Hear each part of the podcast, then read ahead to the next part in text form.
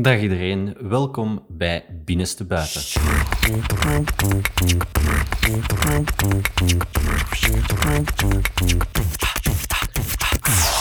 En vandaag uh, praten wij over smetvrees. Uh, daar hebben wij vandaag uh, een gast voor uitgenodigd. die hebben we niet in België gezocht of in Vlaanderen, maar daar zijn we de grens overgegaan. weliswaar digitaal, want fysiek mogen we dat natuurlijk niet. en verwelkom ik heel graag Emma Poots. Welkom bij Binnenste Buiten. Hi, ja, dankjewel. All right. Zeg, Emma, vertel eens, wie ben jij? nou ja, ik ben dus Emma zoals je al zei. En ehm, ik woon dus in Nederland. Ik woon in Utrecht, in het midden van het land. Ehm, dit is niet waar ik uh, opgegroeid ben. Ik ben opgegroeid, ja, ik weet niet, zegt jullie waarschijnlijk niet veel, maar dat heet Wassenaar. En, ja, um, bekende ja, stad. Dat maakt het verder niet uit. Dat is een of ander ja, dorpje dicht bij Den Haag en dicht bij Leiden. En, maar toen ik ging studeren in Utrecht, probeerde ik hier ook een woning te vinden. Uh, en dat was redelijk snel gelukt. Dus uh, sindsdien ben ik in Utrecht gaan wonen en uh, ja, daar ook niet meer weggegaan. En um, ja, op dit moment hou ik me veel bezig met het schrijven van blogs en gedichten en um, ook wel af toe een boek. Um, en ik ben ook wel heel erg bezig met ja, het doorbreken van, van stigma's, van taboes. Uh, ja, met name als het over mentale gezondheid gaat. Omdat ik ook wel het heel belangrijk vind ja, dat er uh, ja, heel veel misverstanden uh, uit de weg geholpen worden. En um, ja, omdat ik ook zelf gemerkt heb dat vroeger ehm, ja, was ik altijd wel heel stil, heel verlegen, heel rustig, heel erg op de achtergrond. En ik liet maar weinig van mezelf zien. En op een gegeven moment, dat heeft natuurlijk wel in mijn geval dan echt jaren geduurd, um, ben ik wel steeds meer uh, uit mijn schulp gekropen. En merkte ik eigenlijk ook hoe bevrijdend dat was. En ook dat het echt als een soort oplichting werkte. Um, en dat het ook echt niet zo is dat iedereen je daarom gaat afkeuren. Of, of dat ze zeggen, jeetje, schaam je niet dat je dit nou gedeeld hebt of zo. Ja. Uh, eigenlijk ging er een wereld voor me open. Dus, dus daarom uh, ben ik ook de laatste tijd steeds meer bezig met um, ja, proberen van het doorbreken van taboes. Ja, dus ja. is heel mooi voor, voor de mensen die luisteren uh, en zich misschien afvragen hoe ik bij Emma terechtgekomen ben. Ja. Uh, Emma is ons, ons beginnen volgen op Instagram en we zijn haar terug beginnen volgen, want daar zat een heel interessant profiel ook. Zoals ze zegt, ze deelt heel veel rond mentale gezondheid en het doorbreken van stigma's en taboes. Uh, en zo zijn we aan het praten geraakt. en kijk, voilà, vandaag is de gast hier bij ons.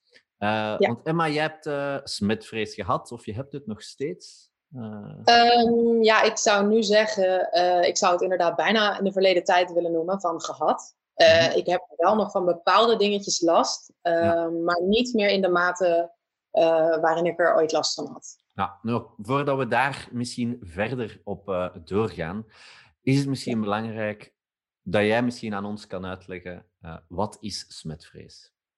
Ja, Um, nou ja, zoals het woord natuurlijk eigenlijk al zegt, letterlijk is het een, een angst voor vies, een angst voor, voor smet of een vrees voor smet. Hmm. Uh, maar dat is natuurlijk nog een heel breed en eigenlijk vaag begrip. Uh, in heel veel gevallen uh, gaat het er denk ik om dat mensen bang zijn om, om ziek te worden, bang zijn om vies te worden, bang zijn om bacteriën, ja, te veel bacteriën eigenlijk over zich heen en binnen, binnen in zich te krijgen. maar bij mij had het wel echt vooral te maken met uh, dat ik echt gewoon bang was om vies te worden, om, om niet meer schoon te zijn. Um, en ook wel um, een enorme behoefte aan, aan controle. Uh, aan een soort, ja, het zoeken naar een soort copingmechanisme om met leven om te kunnen gaan. Oké, okay, oké. Okay. Uh, en, en wanneer is dat dan vastgesteld bij jou? Of wanneer heb je dat zelf, had je dat zelf door? Dat je... ja, dat, uh, het was eigenlijk zo dat ik op een gegeven moment werkte ik bij een callcenter. En uh, dat was in uh, nou, eind 2012 tot half 2013. En ehm, ik merkte in 2013 dat het wel steeds slechter met mij ging. Eh, tot het moment dat ik eigenlijk ehm, ontslagen werd bij deze baan het was niet zozeer echt omdat het persoonlijk was uh, dat ik daarom ontslagen werd, maar meer van: oké, okay, er zijn gewoon niet meer veel projecten waar jij voor kunt bellen in deze zomer, dus we laten je gaan. En aan de ene kant vond ik dat ontzettend fijn, want ik vond de baan al helemaal niks. En ehm, ik haatte het eigenlijk om elke dag, de hele dag mensen te moeten bellen. Of in ieder geval de halve dag. En um, ja, een soort van robot te zijn, dat vond ik al verschrikkelijk. En um, dus aan de ene kant was het wel echt een verademing. Maar aan de andere kant dacht ik, jee, uh, nu val ik weer in een soort gat. Uh, nu heb ik weer geen structuur, geen opvulling. En daar kon ik heel slecht mee omgaan. Um, en toen merkte ik aan mezelf dat ik um, ja, last kreeg van bepaalde uh, gedachten, dwanggedachten. Dat ik heel erg ging nadenken over, over hygiëne. Um, ja, en dat, dat werd echt wel getriggerd, zeg maar, door, door het moment waarop ze zeiden: Oké, okay, je, je, bent ontslagen. Toen zag ik eigenlijk de bui al hangen van: Oké, okay, nu ga ik echt, uh, eigenlijk vanaf nu af aan gaat het bergafwaarts. Um, en dat was ook zo. Um, wel is het zo dat ik dan een aantal maanden, zo'n drieënhalve maand, heb ik eigenlijk geprobeerd om zelf nog ja, soort van op te lossen. Om, om, ja, om het te verminderen, om er niet zo'n last van te hebben. Maar dat lukte gewoon totaal niet, want ik was echt wel best wel ziek al. Mm-hmm. Uh, tot ik op een gegeven moment ook aan mezelf moest toegeven van, ja, je hebt hier gewoon hulp bij nodig. Dit kan zo niet langer. Uh, dus toen heb ik uiteindelijk wel um, mijn moeder opgebeld en um, zij is toen naar mij toegekomen. Uh, ook al wilde ik dat eigenlijk ook niet. Want ik vond het eigenlijk niet zo fijn om mensen te ontvangen in mijn omgeving. Uh, maar goed, het moest maar. En toen zijn we dus in oktober uiteindelijk van 2013 zijn we naar de huisarts gegaan. En op dat moment heeft zij eigenlijk bij mij, na een lang verhaal natuurlijk, na, na mijn verhaal, heeft ze bij mij smetvrees vastgesteld. En heeft ze mij doorgestuurd naar een crisiscentrum. Um, en ondertussen had zij mij aangemeld bij een uh, therapieplek, omdat daar nog een mhm. wachtlijst voor was. En heeft ze mij ook nog um, ja, antidepressiva voorgeschreven. Ja.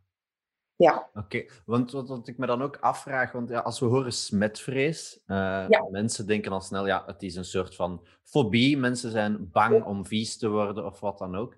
Maar ja, hoe dat, ik heb natuurlijk ook een klein beetje opzoekingswerk gedaan hè, uh, in mijn voorbereiding voor dit gesprek. Maar het is dus eigenlijk niet echt een fobie, maar het is eigenlijk eerder een, een dwangstoornis. Uh, ja, klopt. Het, ja, het is officieel inderdaad volgens mij uh, niet echt vastgesteld als een, als een echte angststoornis of een uh, fobie inderdaad.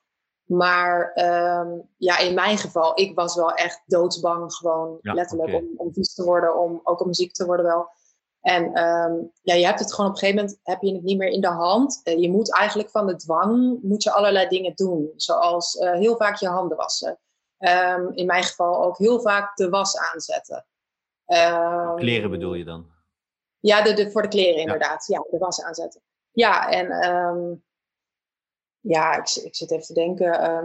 Want wat waren eigenlijk... dan in het algemeen je, je eerste symptomen? Dat je merkte van dingen die je meer begon te doen buiten dan ja, wat hij juist? Ja, uh, nou dat was vooral eigenlijk uh, het eerste, een van de eerste punten was dat ik echt dwangmatig uh, de was ging doen. ik bedoel, ik woonde maar op mezelf in mijn eentje. Hm. Dus op zich zou je denken, nou hoeveel was heb ik dan? Ik woon niet met tien of zo. Maar ehm, toch was ik echt wel, als het even kon, zeven of acht wassen per dag aan het doen. Terwijl ik daar niet eens de capaciteit voor had om dat op te hangen. En ik had nog niet eens een droger, dus ja, hoe ging je dat doen? Maar het was zo dwangmatig van, oké, okay, nou is de ene was klaar, gooi we de volgende weer in. En weer de volgende.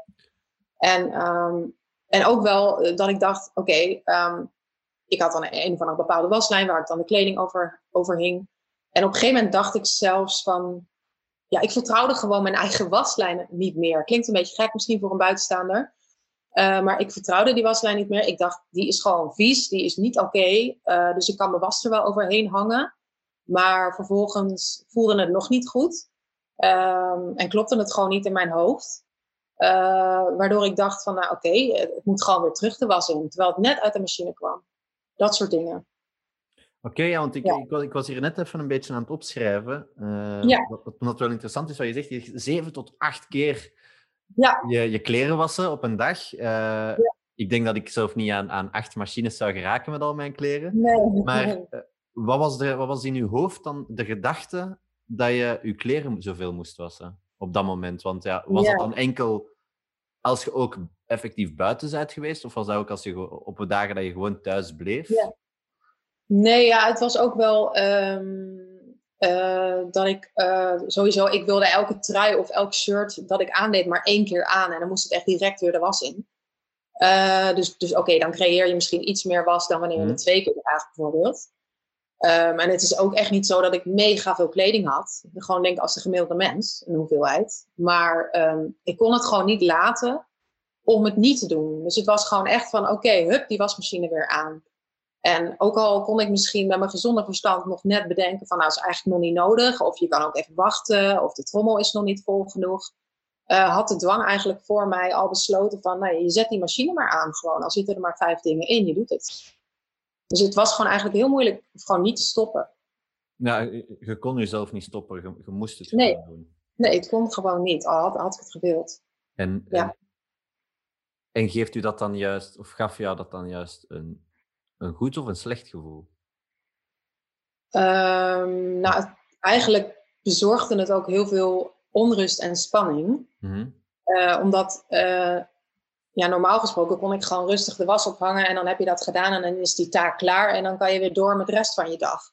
Maar bij mij was dat dus nu niet het geval, omdat ik dacht, ik kan nog helemaal niet door, want het voelt nog steeds niet goed. En op, op die manier was ik ook nooit klaar met de was eigenlijk. En was het gewoon een, een ongoing iets, ja. Uh, waar gewoon geen einde aan kwam. Dus, dus daar werd ik heel verdrietig van en, en raakte ik heel erg overstuur van. En uh, ja, het was gewoon echt niet goed. Um, en daardoor dacht ik ook wel van oké, nu gaat er echt iets mis met mij. Nu, nu moet ik echt uh, ja, hulp gaan zoeken. Ja. En, en heb, je, heb je enig idee wat de oorzaak geweest is van, van je smetvrees? Um, ik heb wel wat vermoedens. Um, op zich heb ik al uh, ja, best wel wat meegemaakt in mijn leven. En zo heb ik ook bijvoorbeeld toen ik uh, voor de eerste keer uh, single werd op mijn 25ste, um, ehm, had ik daar heel veel moeite mee. Op zich kan ik redelijk goed alleen zijn, maar ik had echt voor mezelf bedacht: ik moet weer een vriendje hebben, ik moet een relatie hebben, en daar gaan we alles aan doen. dus ik heb me ingeschreven op allerlei dating apps en sites. En ben daar gewoon ja, gaan zoeken naar allerlei dates met wie ik kon afspreken. En um, ik zat ook gewoon toen al uh, eigenlijk heel slecht in mijn vel. En um, mijn mindset was gewoon niet gezond of niet goed. Mm. Waardoor je eigenlijk ook dan eigenlijk de verkeerde types aantrekt. En um, daardoor kwam ik soms wel in, in wat gevaarlijke uh, situaties terecht. Um, en ook wel eens dat jongens zeg maar misbruik van mij hebben gemaakt. Um, en ook wel eens echt uh, op intimiteitsgebied, zeg maar, echt te ver zijn gegaan. Dus dat is wel, dat was later voor mij wel echt een eye-opener. Van ja, dat was voor mij zo'n obsessie, zo'n fixatie. Um, ja, op deze manier ging ik ook nooit een goede jongen vinden, want, want mm. het klopt in mijn hoofd al helemaal niet. In mijn hoofd was het al helemaal een, een zooitje. En, en ik had ook niet veel zelfvertrouwen en ik was ook onzeker.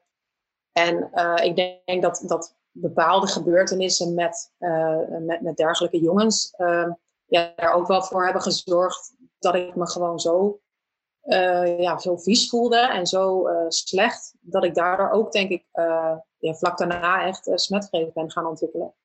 Ja, oké. Ja.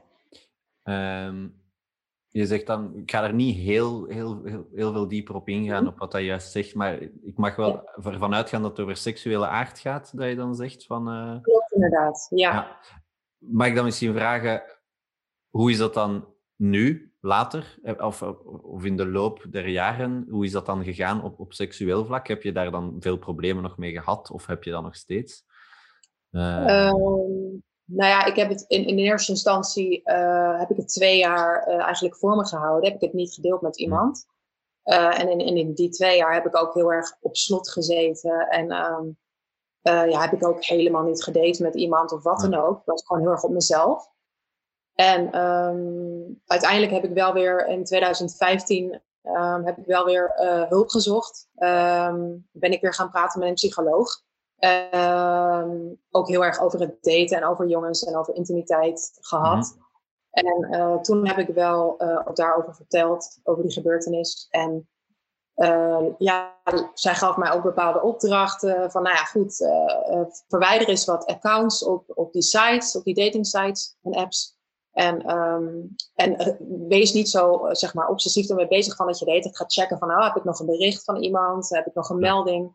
Daar was ik ook gewoon te veel mee bezig. En ehm, ik moest ook gewoon natuurlijk eigenlijk weer leren denken van, het is helemaal niet per se nodig om een relatie te hebben. Het zou leuk zijn. Het zou een leuke, leuke aanvulling zijn. Maar het is natuurlijk geen noodzaak. En, en zo zag ik het altijd. Dus langzamerhand uh, ging ik daar wel wat gezonder over nadenken.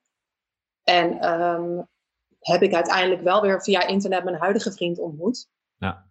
Uh, maar dat was echt op een moment dat ik er al beter voor stond. En ja, ook niet zoiets had van alles hangt er vanaf. En uh, nou, dit moet het worden. Dus, dus dat dus was al een stuk relaxter. Ja, dus het was niet dat je, want ik probeer het vooral te linken dan aan, aan je smetvrees.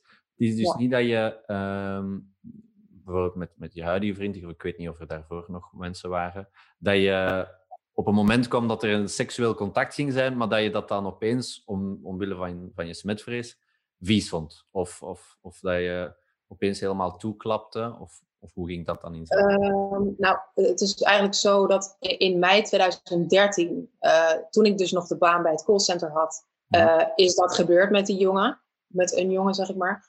En um, echt vlak daarna inderdaad, in die maanden ben ik dus ook heel erg me gaan richten op hygiëne. En ik, ik link dat wel een beetje aan elkaar. Ik, ja. Ik, ja, ik zie daar wel verbanden. En um, ja, toen heb ik het dus wel heel lang voor me gehouden. Ben ik, heb ik heel lang in mijn schuld gezeten. Ehm, en pas twee jaar later ben ik er dus over gaan praten en daarmee naar buiten gekomen. En heb ik daar ook weer dus twee keer eigenlijk twee soorten hulp voor gezocht. En ehm, hem daar ook, mijn huidige vriend daar ook over verteld. Omdat ik vond wel dat hij dat moest weten. Van het gaat bij mij allemaal niet zo soepel. En ik vind dat allemaal behoorlijk eng. En uh, ik heb er gewoon ook niet veel ervaring mee. Uh, dus dat was wel fijn voor mij om dat te kunnen delen. En dan kon hij er ook uh, rekening mee houden. Ja, ja. oké. Um, nu, we weten dus wel dat, wat dat de oorsprong was, of, of het idee, of dat denk je dan toch, dat het waarschijnlijk daarvan komt. Dus als ik het goed begrijp, komt smetvrees eigenlijk dan vaker voor uit, nou, ik zal het even trauma noemen. Uh, komt het meestal daaruit voort? Ja, ik, ik, ik denk wel dat, dat het bij veel mensen zo is dat ze daarvoor gewoon iets heel uh, intens of iets heel heftigs hebben meegemaakt. Uh, waardoor ze in hun hoofd als het ware kortsluiting krijgen. En, en dat was in ieder geval bij mij zo. Mm -hmm. uh, dat je gewoon helemaal knapt eigenlijk van binnen. En, en dat je dan ja, zoiets gaat ontwikkelen. Zoals bijvoorbeeld smetvrees. Het had natuurlijk ook een eetstoornis kunnen zijn die ik had ontwikkeld. Of een andere stoornis. Maar in mijn geval ja, was het dan smetvrees. Ja. Maar ik denk wel dat, dat mensen het niet altijd uit het niets maar even ontwikkelen. Nee, nee, ik denk nee. wel dat er meer achter. Ja, het is, het is, inderdaad ook wel met wat je zegt, omdat je zegt het had ook een eetstoornis kunnen zijn. We hebben twee, drie episodes geleden uh, een episode gedaan over eetstoornissen. Uh, daar had het niks met uh, seksueel trauma of wat dan ook te maken. Maar het doet inderdaad wel je ogen openen hoe dat mensen dingen ontwikkelen door dingen dat gebeuren in hun leven. en dat is, is, is, heel eye-opener voor ja, ja, mensen zoals mezelf dan even, die ja. daar niet mee te kampen hebben. En heel aangenaam vind ik zelf om. Want ik maak deze podcast wel, maar door, ik, ik hoor ook verhalen zelf voor de eerste keer. Het is voor mij ook uh, nog steeds super interessant. En dat is wel, wel, wel leuk om, om die verhalen eens te horen, die getuigenissen. En echt uh, moedig van, van al die gasten eigenlijk die hun verhaal komen doen. Ja, zeker. Nu, nu je zei juist ook, je hebt professionele hulp gezocht op een bepaald moment, zelf twee soorten professionele hulp. Ja. Wat bedoel je daar juist mee? Um, nou, ik heb in eerste instantie uh, ben ik naar een uh, seksuologe gegaan. Dat vond ik echt doodeng. Mm -hmm. En uh, ik praat er ook gewoon niet zo graag over en zeker toen niet. En ik vind dat allemaal zeer ongemakkelijk. Mm -hmm. um, maar ik dacht wel van, nou, als, ik, als ik ooit weer gewoon wel zeg maar een, een gezonde relatie wil en ik wil niet de rest van mijn leven alleen blijven, dan moet ik er eigenlijk wel wat aan doen. Want ik merkte ook al bij mijn allereerste vriend uh, dat het op dat gebied, terwijl er toen nog niks uh, traumatisch of wat dan ook gebeurd was, dat het toen ook al totaal niet ging. Uh, dus ik dacht wel van oké, okay, er is wel iets. Ik weet niet waardoor dat komt, maar ja, er, er moet wel wat aangepakt worden. want anders zou ik daar in elke nieuwe relatie weer tegenaan ja. lopen. Sorry dat ik je onderbreek, maar over wat heb je het nu precies? Over waar loop je tegenaan? Over zeg maar de, de problemen met, met intimiteit. Ah ja, oké. Ja, sorry. Ja, ik was, ik was even niet mee. Maar ik nee, dat mee. Ja. ja. Ja, ik dus... had je onderbroken, denk ik. Ik weet niet of dat je nog weet wat hij aan het zeggen was. nee, ik heb dus inderdaad een, een aantal gesprekken gehad met een uh, seksuologe. Uh, niet super lang, want op een gegeven moment dacht ik ook van, nou ja, ik weet niet of dit, of dit echt gaat werken of dat, of dat ik hier nog naartoe wil. En toen ben ik uiteindelijk weer naar een, uh, ja, naar een andere, naar een GGZ-instelling gegaan voor hulp. En heb ik gewoon wekelijks ja, gesprekken gehad over, ja, over mannen, over daten, over hm alle sites waar ik wel niet op ingeschreven stond. Gewoon mijn hele gedrag, mijn hele doen en laten daar, daarbij. En mm dat heeft me wel, wel redelijk goed geholpen, ja. ja. En, en bij, wat, bij wat was dat? Wat voor instelling? Uh, de, de, naam van de instelling? Ja, joh, ik weet niet wat je zei. Je zei een afkorting, denk ik, GHZ. Oh, sorry. Uh, ja, ik bedoelde een geestelijke gezondheidszorg. Ah, geestelijke. Oké, oké, oké. Ja. Alright. Ja. En dat heeft dan wel, wel veel meer geholpen dan de seksuologen? Nou, misschien eh, was het ook wel uh, de combinatie. Um, maar uh, toen mijn huidige vriend mij aansprak op internet, stond ik er al heel anders in. Um, ik was gewoon een beetje leuk met hem aan het chatten en over van alles en nog wat. En uiteindelijk heb ik een keertje afgesproken. Maar waar het voorheen altijd heel erg was van, oh, nou, daar hangt zoveel van af. Hè. En als het, als het niet zou werken, dan is dat meteen een ramp. En dan is het vreselijk en dan stort ik in was dat nu totaal niet zo. Dus ik dacht nou gewoon van, nou, we zien het wel en we merken wel hoe het loopt. En het hoeft niet per se wat te worden, maar natuurlijk zou het leuk zijn. En, en dat was echt een beeld van verschil voor mij, om er zo in te staan. Ja, omdat je ervoor altijd te veel stress had, dat het echt ja, goed moest zijn, dat eerste contact. Uh... Ook inderdaad, en ik was denk ik gewoon echt te kwetsbaar en uh, te gevoelig en ook vaak te goed gelovig. Ja. En ja, ja, ik, ik, ik, hield gewoon contacten vaak te lang aan. Terwijl een ander waarschijnlijk al dacht, nou, die had ik al lang aan de kant gezet. Ja. En je hebt dan professionele hulp gehad en, en, en, die gesprekken hebben dan goed geholpen, zeg je. Uh, maar uh, hoe, hoe ver ging het eigenlijk bij jou, als je, als je er echt eens over nadenkt, uh, de dwanggedachten, de dwanghandelingen? Want je mhm. zei, ja, je wel van zeven tot acht keer een wasmachine opzetten per dag, maar Ging het ook verder als dat? Um, ja, ik had echt heel veel soorten gedachten. Um, ik had ook voor mezelf een soort allerlei uh, ja, rituelen bedacht. Bijvoorbeeld, ik mag niet meer met los haar mijn eten opeten, want dan kan mijn haar vies worden. Dus ik droeg werkelijk elke dag een, een zijwaartse vlecht. Echt uh, meer dan een jaar lang of zo droeg ik een zijwaartse vlecht. Omdat ik dan dacht van, nou, dan is mijn haar nog wel veilig. Um, en ik waste mijn handen dus extreem vaak, waardoor ze helemaal rood waren en bebloed en droog. En er gewoon niet uitzagen. En, um, en ik had bijvoorbeeld ook uh, een afkeer ontwikkeld voor een aantal producten. Uh, dat is namelijk voor crèmes. Of hmm. body lotion, van al dat soort crèmes. Uh, en voor stroop en honing en olie. Okay. Dat waren eigenlijk de, de hoofdproducten waar ik ja, een afkeer voor had ontwikkeld. stroop en honing vanwege, vooral omdat ze plakken. Mm -hmm. en ik dat gewoon heel vies vind. En ik dan bang ben voor knoeien, et cetera. En um, ja, olie vond ik ineens een ja, veel te vet product. Was ik ook bang voor geworden. En uh, crème, ja, het, ik kan het niet eens goed uitleggen. Ik, ik had gewoon besloten van, hè, bah, dat is vies als je dat op je gezicht smeert. Want dan ga je s'avonds weer op je kussen liggen en dan, dan wordt je kussen vies. En dat soort rare gedachten had ik. Gewoon van, uh, ik kan dat niet meer op me smeren. Uh, want ik vertrouw dat gewoon niet. Ik vind dat gewoon heel erg, heel erg fel. Ja. En je, je, spreekt hier vooral natuurlijk over het, het, het, het huiselijke leven, zal ik maar zeggen. Hoe, hoe ging het dan in zijn werk wanneer je buitenshuis uh, je ging begeven? Ja, daar had ik ook wel veel moeite mee. Um, want als ik bijvoorbeeld buiten liep, dan dacht ik bijvoorbeeld aan: oké, er kan een vogel uh, op mij poepen en dan komt er vogelpoep op me. Of uh, ik kan tegen een of andere vieze lantaarnpaal aanlopen en dan is mijn jas meteen vies. Of um, ook qua uh, eten in restaurants, dat zag ik eigenlijk niet meer zitten. Omdat ik dacht, nou ja, wat nou als ik net op een ongunstige plek zit.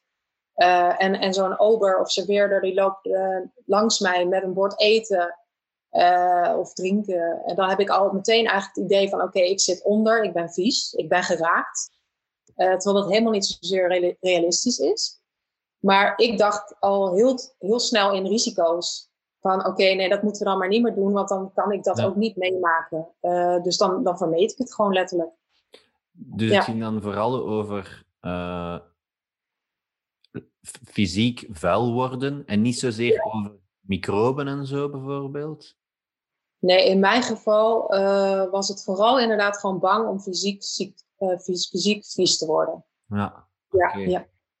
Dus, dus niet dat, want je zegt dan bijvoorbeeld, om even op je voorbeeld van op restaurant verder te gaan, hè, als ze met eten of drinken langskomen. Maar het was dus niet van, oh, uh, zijn die glazen wel goed proper? Of zijn die, is het bestek wel mooi proper gemaakt? Uh, had je daar moeite mee? Uh, ja, ik keek af en toe wel een beetje van, hoe ziet het eruit? Um, maar dat viel op zich nog wel mee. Um, ik bedoel, je hebt natuurlijk ook heel vaak dat je als voorafje of zo in een restaurant, dan, dan krijg je wat brood met olie. Nou, dan had je weer mijn angstproduct. Uh, dat ik dacht van ja, dat, moet, moeten ze niet bij mij op tafel gaan zetten. Uh, dan zou ik al helemaal gek worden. Uh, dus omdat er voor mij daar zoveel angsten lagen, heb ik het gewoon vermeden en ben ik gewoon niet meer uit eten gegaan. En voor een hele lange tijd. Hoe reageerde je dan in de tijd dat je het dan wel deed, als er dan wel olie op tafel werd gezet?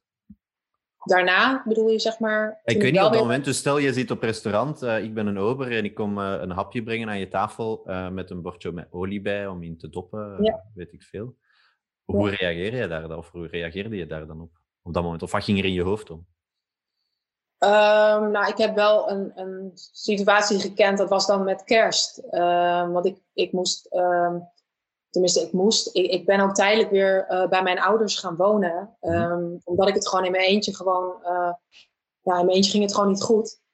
Uh, dus ben ik weer tijdelijk bij mijn ouders gaan wonen. En um, op een gegeven moment kwam ook kerst eraan. En toen zijn we wel met z'n, met z'n vijven uit eten geweest.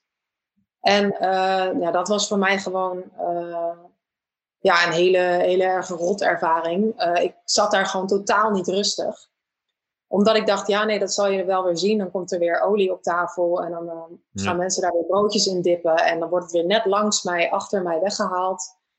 En ik heb toen die avond, uh, heb ik ook um, ja, echt letterlijk een kalmeringspilletje, oxazepam, uh, heb ik geslikt.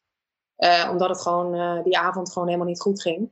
En die had ik sowieso eigenlijk vanaf het begin had ik ook een recept daarvan gekregen. Van mocht het nodig zijn, dan kan je jezelf daar, daarmee kalmeren. Um, maar ja, ik, ik vond het zelf nooit zo goed werken. Uh, want ik, ik hield eigenlijk altijd wel die paniek en die angst.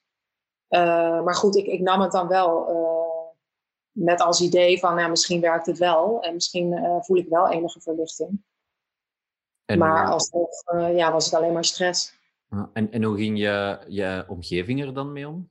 Op dat moment of in het algemeen? Um, ja, ik denk dat mijn ouders het wel heel moeilijk vonden om, om mij zo te zien.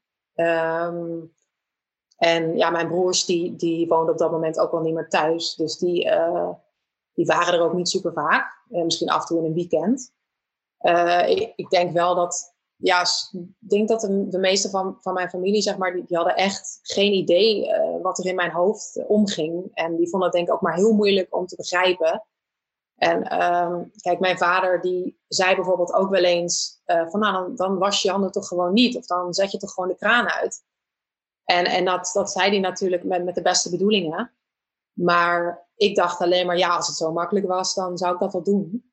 Ja. Uh, maar, maar, dat is het gewoon niet. Dus uh, dan voelde ik me weer heel erg onbegrepen en uh, niet gehoord. En dan voelde ik me eigenlijk alleen maar nog meer weer verdrietiger. Dus het is ook moeilijk, op, zeker op dat moment als je er middenin zit, is het wel echt moeilijk om, om uit te leggen, zelfs aan je eigen familie. Ja, en ja. In, in, in jouw gedachte, omdat je dan zegt van ja, ik voel me niet gehoord, ik voel me niet geholpen, hoe kunnen mensen je wel helpen? Of hoe hadden ze je wel kunnen helpen?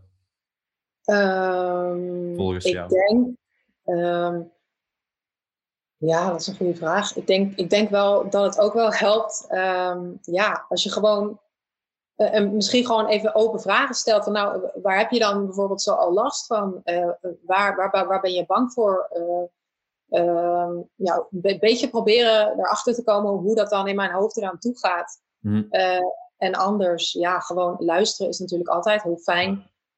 niet dat er meteen een oordeel komt van, nou, weet je wat raar dat jij dat doet. Of, nou, je bent een beetje gek. Of die, die reacties kreeg ik niet hoor. Maar ik kan me zomaar voorstellen dat iemand dat misschien een keer wel krijgt en dan voel je je helemaal slecht. Ehm, want ik denk ook wel dat uh, ja, hoe meer jij er niet over praat en hoe meer jij je erover schaamt, over al jouw dwanggedachten en handelingen, hoe sterker die dwang juist aanwezig kan zijn. En, en als jij het gewoon zoiets hebt van, nou, ik, ik doe die schaamte even aan de kant als het ware. Um, wat ik natuurlijk bij therapie wel echt moest doen. Uh, want het werkt vooral natuurlijk als je echt volledig open bent. Ja. Uh, dan geef ik die dwang als het ware ook iets minder kans. Uh, omdat ik in ieder geval, ik laat het er zijn. Ik geef het toe. Ik erken het. En, en dat helpt al wel een klein beetje. Oké, dus, dat, dus het is eigenlijk vooral ervan afgeraken, doe je eigenlijk vooral door zelfhulp. Eigenlijk andere mensen kunnen eigenlijk alleen maar luisteren en, en er zijn voor u.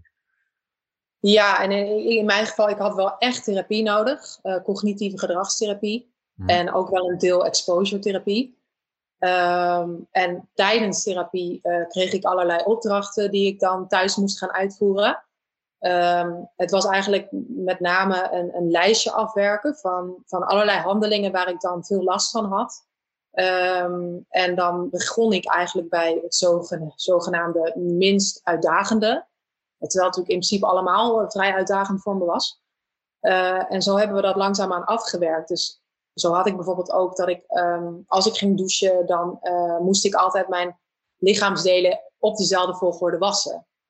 Uh, En daar kon ik gewoon niet van afwijken. En dan was bijvoorbeeld de opdracht van, nou oké, okay, je gaat nu een keer onder de douche staan en dan ga jij gewoon expres bijvoorbeeld één arm niet met zeep wassen.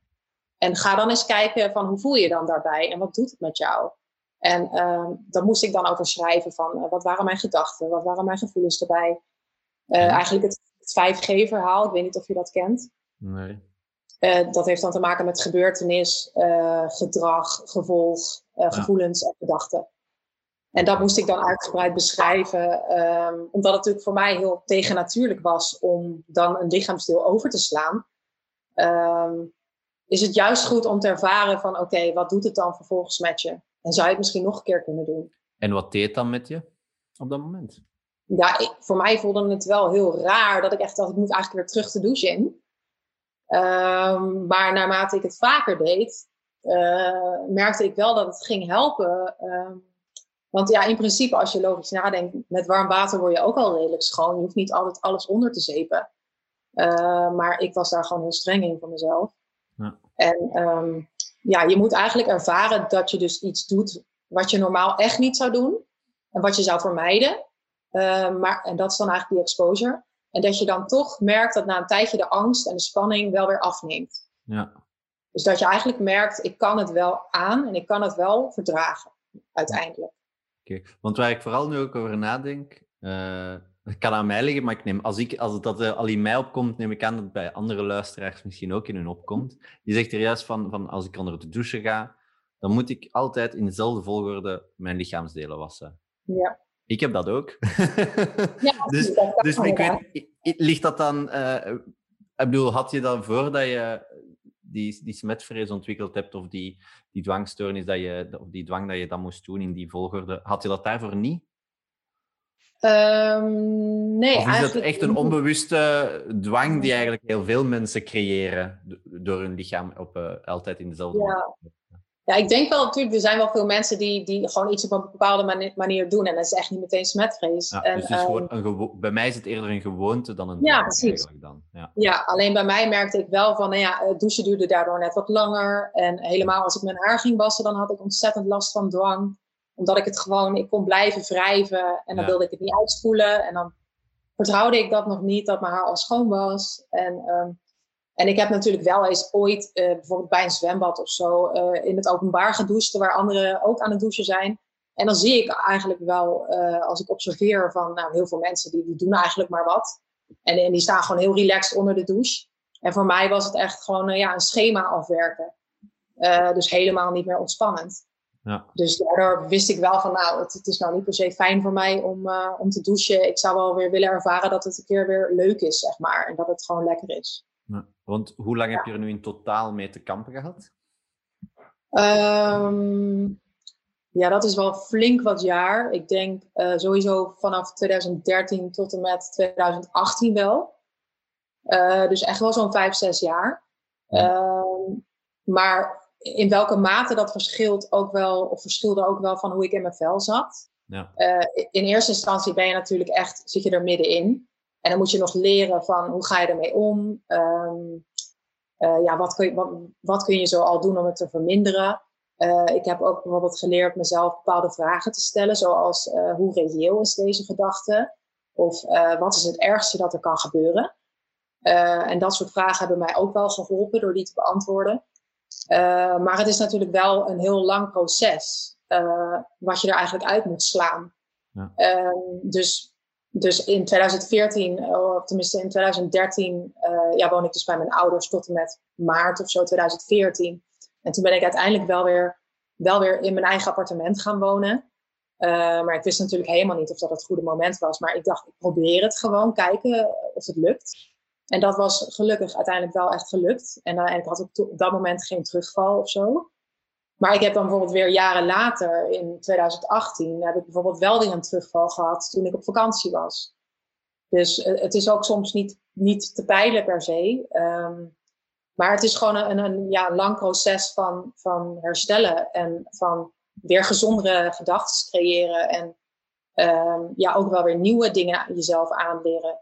Uh, dat je bijvoorbeeld denkt, nou, ik hoef nu niet per se mijn handen te wassen. Het kan ook later. Of het kan nu ook even alleen met water en zonder zeep. Ja. Uh, eigenlijk allemaal dat soort dingen. Het is net een beetje als, zo vergelijk ik het altijd, als met opnieuw leren lopen. Je moet jezelf gewoon weer bepaalde dingen uh, ja, aanleren van, oh, zo kan het dus ook. En oh, je hoeft niet per se je haar vast te doen met eten. Kijk eens wat er gebeurt als je gaat eten en je hebt je haar los. Allemaal dat soort dingen. En dat je dan dus ervaart van, hé, hey, maar zo gaat het ook goed. En er gebeurt niks ergs. En dan word je daar ook wel ja, in gerustgesteld. En, en je zegt dan in 2018 had ik een terugval. Welke zaken kunnen je dan zo triggeren? Of wat, wat, wat, heeft er dan, wat zorgt er dan voor dat je een terugval hebt? Uh, nou ja, in dit geval, um, ik was sowieso uh, zo'n drie jaar niet meer op vakantie geweest, omdat ik ook geen zonnebrandcrème op durfde te smeren. Um, en toen ben ik uiteindelijk in 2016 weer voor het eerst op vakantie geweest.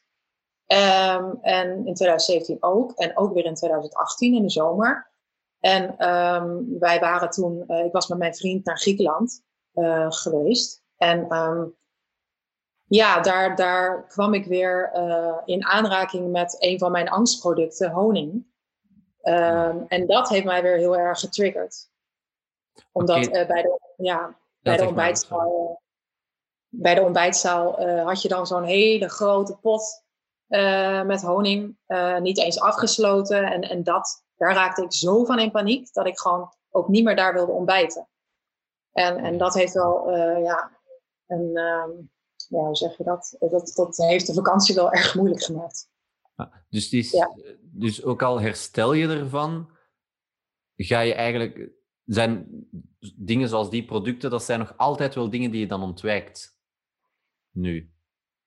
Ja, ja, um, ja in dit geval uh, was het voor mij vrij extreem dat het dan zo'n enorme hoeveelheid was. En dat het dan ook nog eens zo'n open pot was. En dat je dat met zo'n soort lepelachtig ding of zo moet pakken. En dat, dat ik dan ook gewoon mensen zag knoeien, waardoor ja, ik alleen maar, of waardoor het voor mij alleen maar bevestigd werd van zie je, mensen kunnen er ook niet goed mee omgaan. En mensen knoeien alleen maar. Wat heeft het voor zin? Uh, maar als het bijvoorbeeld ja, in een knijpfles zit of zo, dan durf ik het bijvoorbeeld zelf ook wel een keer in mijn thee te doen als ik bijvoorbeeld last heb van de keel. Okay. Dus het ligt er ook heel erg aan hoe het, uh, ja, hoe het geserveerd wordt. En uh, ja, uh, ook wel een beetje van hoe ik in mijn vel zit. Ja. ja. En um, ja, iets dat mensen zich natuurlijk ook wel afvragen waarschijnlijk. We hebben een zeer bewogen jaar achter de rug. 2020, het coronajaar. Ja. Um, als ik, als ik in mijn opzoekingswerk een beetje keek naar smetvrees en corona, zeiden de ene psychologen of mensen zeiden van, uh, dat het juist iets positiefs was, omdat veel mensen in hun handen gingen ontsmetten, dit dat, dus dat mensen met smetvrees minder bang hadden, terwijl langs de andere kant het juist verergerd zou worden. Hoe, hoe heb jij het afgelopen jaar uh, zo ervaren? Uh, nou ja, voor mij persoonlijk um, heb ik wel gemerkt dat ik zo ver al in mijn herstel zit. Uh, dat, dat corona eigenlijk uh, er niet voor zorgde dat mijn dwang of mijn smetvrees werden aangewakkerd. Um, ja, het, ging natuurlijk wel ineens heel erg over, ja, je moet steeds je handen wassen en je moet extra vaak je handen wassen en ook min, minstens 20 seconden of zo. En dat heb ik ook echt wel gedaan. En, um, maar ik merkte wel dat ik al zo sterk was, zeg maar, en al zo gegroeid was, um, dat het me niet meer uit het veld kon slaan. Dus ik liet me niet gek maken van, uh, ja, oké, nu, nu word je heel snel ziek of zo. Of, ja, ik was wel eens bang om corona te krijgen, maar uh, voor zover ik weet heb ik uh, nog helemaal geen corona gehad. Um, maar ja, dus, dus ik, ik was eigenlijk al wel zo ja, in balans. Um, Dat het mij gewoon niet veel kon doen. Dat ik gewoon dacht, ik doe gewoon zoals de meeste mensen het doen. Je let ietsjes meer op. je was net iets vaker je handen. En inderdaad wel fijn dat er overal van die uh, desinfect uh, handgels uh, te vinden zijn bij de winkels. Maar verder ja, bleef het gewoon stabiel. Ja. Denk je dat je, moest het dan in eerder 2014, 15 ergens geweest zijn, corona, ja. dat je toen anders gereageerd zou hebben? Dat denk ik wel, ja. En ja, ik denk, ja, ik denk dat als ik, um, ja, als de therapie ook nog niet ja, um, allerlei tools aan mij had gegeven, dan, dan uh, wat het ook wel echt gedaan heeft, dan, ja, dan zou ik denk ik uh, sneller uh, weer afglijden en misschien een terugval krijgen of denken, oh, ik moet inderdaad weer heel vaak mijn handen gaan wassen en tot ze er helemaal niet meer uitzien. En ehm, ja, ik denk, ik denk dat het wel geholpen heeft dat het al zoveel jaar na mijn therapie was en dat ik al zo anders ja, in mijn vel zat en ook ervoor stond. Uh, waardoor ik ook gewoon streng tegen mezelf kon zijn van, nou inderdaad, hoe reëel is deze gedachte bijvoorbeeld? Mm. Wat is dan inderdaad het ergste dat er kan gebeuren in deze coronatijd? Um, dus zo kon ik mezelf ook wel geruststellen. Van, um, en ik, ik weet ook wel heel goed waar ik niet naar terug wil. Omdat ik toen zo ziek was, um, dat ik er ook wel alles aan doe om niet meer naar dat punt te gaan. Uh, niet dat je dat natuurlijk altijd maar ja. zeggen of zelf kiest. Maar uh, wel in die zin van, oké, dit gaan we niet meer laten gebeuren. Dus je zorgt maar gewoon dat je, dat je stabiel blijft. Dus, dus dat heeft me ook wel een beetje geholpen. En als je, als je dus terugkijkt op het hele traject, hè, want er zijn heel veel andere mensen, misschien luisteraars, die eventueel in een gelijkaardige situatie zitten als dat jij hebt gezeten. Welke raad zou je hen geven? Um, ja, ik denk dat het vooral heel belangrijk is dat je op zijn minst één iemand uh, vertelt uh, wat er met je aan de hand is, waar je last van hebt. Um, dat je gewoon één iemand in vertrouwen neemt. Uh, wie het dan eigenlijk ook is. ja, gewoon dat je, dat je het kwijt kunt. Dat je je hart kunt luchten. Dat je het niet alleen maar dus bij jezelf houdt. Um, en dat zo iemand bijvoorbeeld ook mee kan denken van, nou ja, wat is dan nu voor jou handig? Uh, helpt het jou misschien als jij hulp gaat zoeken? Of, of wat heb je nodig? Uh, wat zijn je behoeften? Um, dat is denk ik heel belangrijk. En, um, en ook vooral eigenlijk toch om je er echt niet voor te schamen. Om, om niet te denken, oh, ik ben compleet gek of zo. Want uh, ik was misschien uh, qua bepaalde gedachten ja, niet helemaal helder. En zou je misschien kunnen denken, goh, nou daar heb ik geen last van. Jij wel. Uh, maar je kon verder wel gewoon nog normaal een gesprek met mij voeren. Je kon prima met mij communiceren. Ja. Er waren alleen bepaalde dingen dat mensen wel eens zeiden, oké, okay, nu is de dwang aan het woord. En nu is Emma weer aan het woord. Dus je zag daar wel soms een scheiding in. Ja. Um, dus ja, ik denk dat als je gewoon op tijd hulp zoekt, uh, dat je gewoon ook, ook op tijd ermee aan de slag kan. En, en, en dat het niet te lang gaat doormodderen en dooretteren. Ja, ja, dus hulp zoeken is volgens jou toch wel een, zeker een belangrijke stap. Ja, zeker wel. Ja, ja. Want ik merkte ook aan mezelf, ik kon het niet alleen. Dus, dus ik had iemand erbij nodig. Ja. ja. Alright. Nu, uh, helemaal in het begin van de episode, uh, toen je jezelf aan het voorstellen was, werd al heel snel duidelijk, jij bent iemand die graag schrijft. Hè? Je zegt uh, met gedichten, af en toe een boek, uh, blogs. Uh, je schrijft heel wat. Um, je hebt ook een, een boek rond je eetstoornis. Ah, eetstoornis, of zeker niet. Sorry, ik zat al met iets anders in mijn hoofd. Rondjes met vrees eerder, sorry. Ja. Rondjes met vrees uitgebracht. Dat klopt, hè? Kan je daar misschien iets meer over vertellen? Ja, um, mijn boek heet Storm in mijn gedachten. Ik heb die titel heel bewust gekozen, omdat je verwacht natuurlijk eerder storm in mijn hoofd. Mhm.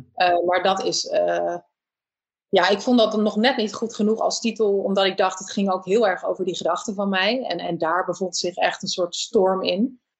En ehm, die heb ik, um, even denken, in april is deze dan uitgegeven. April voor uh, 2020. Uh, ja, april 2020 inderdaad is de Nederlandse versie ervan uitgegeven.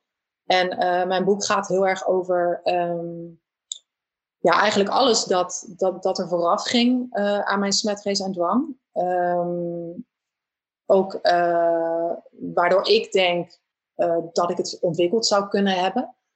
Um, en ook heel erg over de periode waarin ik heel eenzaam ben geweest. En ook inderdaad de periode van het obsessieve daten met jongens. Mm. Um, en dat ik er echt een project van had gemaakt om, om een vriend te hebben.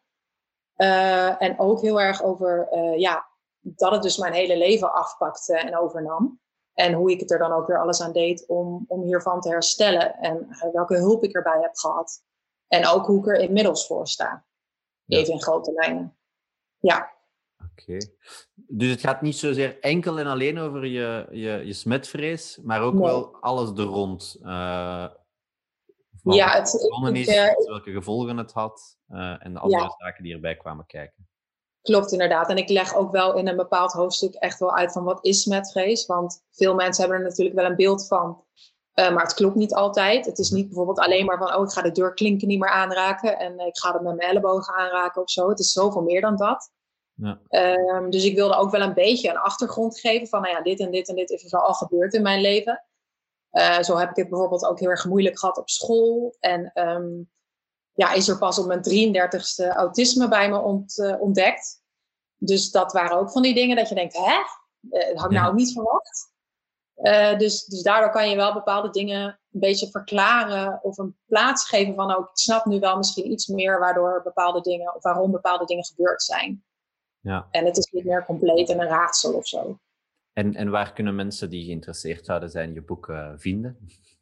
Uh, ja, uh, mijn boek is te koop op boekscout.nl. En dat is ook gratis verzending naar België, weet ik. Ah, oké. Okay. Dus dat is misschien wel mooi om te weten. Ja. En verder ook op bol.com. Ah, okay. is ook verkrijgbaar. En ik heb zelfs ook nog een Engelse versie.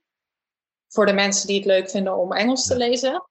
Okay. ja, die heet dan Storm in My Thoughts. En ja, dat is het. Ik denk dat bol.com uh, is toch een, een van een zeer groot gebruikte uh, e-commerce platform in België. Dus, uh... Klopt, voor mijzelf ook. Ja, okay. ja, ja, ja, bij mij ook hoor. Ja. Nee, maar het is goed om te weten voor mensen die geïnteresseerd zouden zijn. denk er ook aan, wij gaan binnenkort ook een giveaway organiseren. waar je dit boek gewoon gratis en voor niks kunt krijgen wij Belgen zeggen vaak dat gratis iets is dat Nederlanders graag hebben, maar wij Belgen hebben dat ook graag hoor. nee, maar uh, gaan we een leuke giveaway doen. Um, dus ja, voor de mensen die daar niet op kunnen wachten, kunnen ze hem gewoon al uh, kopen. Bookscout.nl of bol.com. Alright. Nu, ik had nog één vraagje eigenlijk. Um, want je zei daar straks dat je daar eigenlijk niet zo heel veel last van hebt gehad maar mensen die slecht reageren op je situatie. Heb je daar echt niks uh, van gehad? Mensen die zeggen van, oh, het is aandachttrekkerij of oh, smetvrees, dat is, dat is iets... Uh, hoe belachelijk is dat nu? Nee, dat gelukkig niet. Um, ik merkte wel dat bijvoorbeeld mijn, mijn ene broer, die, die dacht waarschijnlijk echt van, wat is zij allemaal aan het doen? Ik snap hier helemaal niks van. Ja. Um, die vond zich dat heel moeilijk om voor te stellen of zich daarin in te leven. Um, dus meer, meer dat, van ja, ik snap het gewoon niet. Ik, ik, ik, snap er gewoon werkelijk niks van. Maar niet, gelukkig niet van, oh je stelt je aan en uh, het valt allemaal wel mee. En nee, ik had gelukkig wel echt fijne mensen in mijn omgeving. Ja. Uh, ook bijvoorbeeld bepaalde vriendinnen van mijn moeder, uh, die ook zich echt probeerden in te leven in mij. En, en het gewoon heel erg serieus namen. En die ook gewoon ja, gesprekken met mij voerden. En ik ben veel met mijn moeder gaan wandelen buiten. En um, uh, ja, gewoon om, om, om het maar iets meer beter een beeld ervan te krijgen. En ja, desnoods hadden we het er even niet over en hadden we het over iets, iets anders. Maar uh, als je al zo rot voelt en, en er zou ook nog eens zulke, zulke opmerkingen gemaakt worden, dat is wel echt heel, heel erg naar. Ja, ja. snap ik. Snap Want dan voel je je helemaal uh, onbegrepen. Ja, nu waren we ook altijd mee eindigen, want we moeten natuurlijk een beetje op de tijd letten. Hè, waar we altijd uh, proberen mee te, af te sluiten, is, is, is uh, te vragen aan jou: wat wil je zeker nog meegeven aan onze luisteraars? Uh, nou, eigenlijk dat. Um, ik vind het altijd heel erg uh, mooi en krachtig als mensen zich kwetsbaar op durven te stellen. Het wordt natuurlijk over het algemeen ook vaak gezien als een zwakte. Um, dat heerst een beetje zo overal. Maar ik ben het daar eigenlijk helemaal niet mee eens. En um, zo is Brene Brown bijvoorbeeld voor mij ook wel een, een ja, hoe zou ik het zeggen, een inspiratiebron. Ja. Um, want die zegt natuurlijk ook steeds van, uh, nou ja, goed, het is gewoon heel mooi om je kwetsbaar op te stellen. En ik vind ook dat als je dat doet, um, dan heb je vaak ook uh, daardoor uh, dat een ander ook eerder geneigd is, bijvoorbeeld zich persoonlijk en kwetsbaar op te stellen. Ja. En, dat, ja, dat geeft toch wel vaak een bepaalde band, een bepaalde connectie. En um, ik denk ook wel heel erg van, oké, okay, de, de juiste mensen, die zullen daar echt wel gewoon goed op reageren. En als je dan toevallig mensen hebt die daar helemaal niet goed op reageren, ja, dan zijn dat eigenlijk gewoon ook niet de mensen die in jouw leven zouden moeten zijn. Dat is echt hoe ik erin sta. Van, nou goed, bij deze persoon, je kan je natuurlijk af en toe in vergissen. Maar dat je denkt van, nou, bij deze persoon kan ik het gewoon kwijt en is het veilig. En er gebeurt helemaal niks met onze vriendschap of er verandert niks. En als dat wel zo is, ja, dan is het eigenlijk het probleem van de ander. Ja, dus je omringen met goede mensen vooral. Ja, precies. Ja. Dat is uh, een mooie boodschap, denk ik. Dat is een mooie boodschap, ga ik volledig mee akkoord. Uh, goed, onze tijd, uh, Emma, zit erop. Ik wil je hartelijk bedanken om uh, er te zijn vandaag. Dus dank je wel. Ja, heel erg graag gedaan. Um, hopelijk uh, komt het daar allemaal goed in Nederland met de huidige rellen en dergelijke. Uh, dat hoop ik ook. Ja, maar het komt allemaal wel goed. Aan uh, de luisteraars of de kijkers via YouTube, nogmaals bedankt om erbij te zijn vandaag in onze vijfde episode. Um, als je het leuk en interessant vond, Ga ons volgen op Instagram, abonneer je op ons YouTube-kanaal. Uh, zo blijf je altijd up-to-date van komende episodes. Uh, dus als laatste keer, Emma, dankjewel om erbij te zijn vandaag. En aan jullie, uh, tot de volgende keer.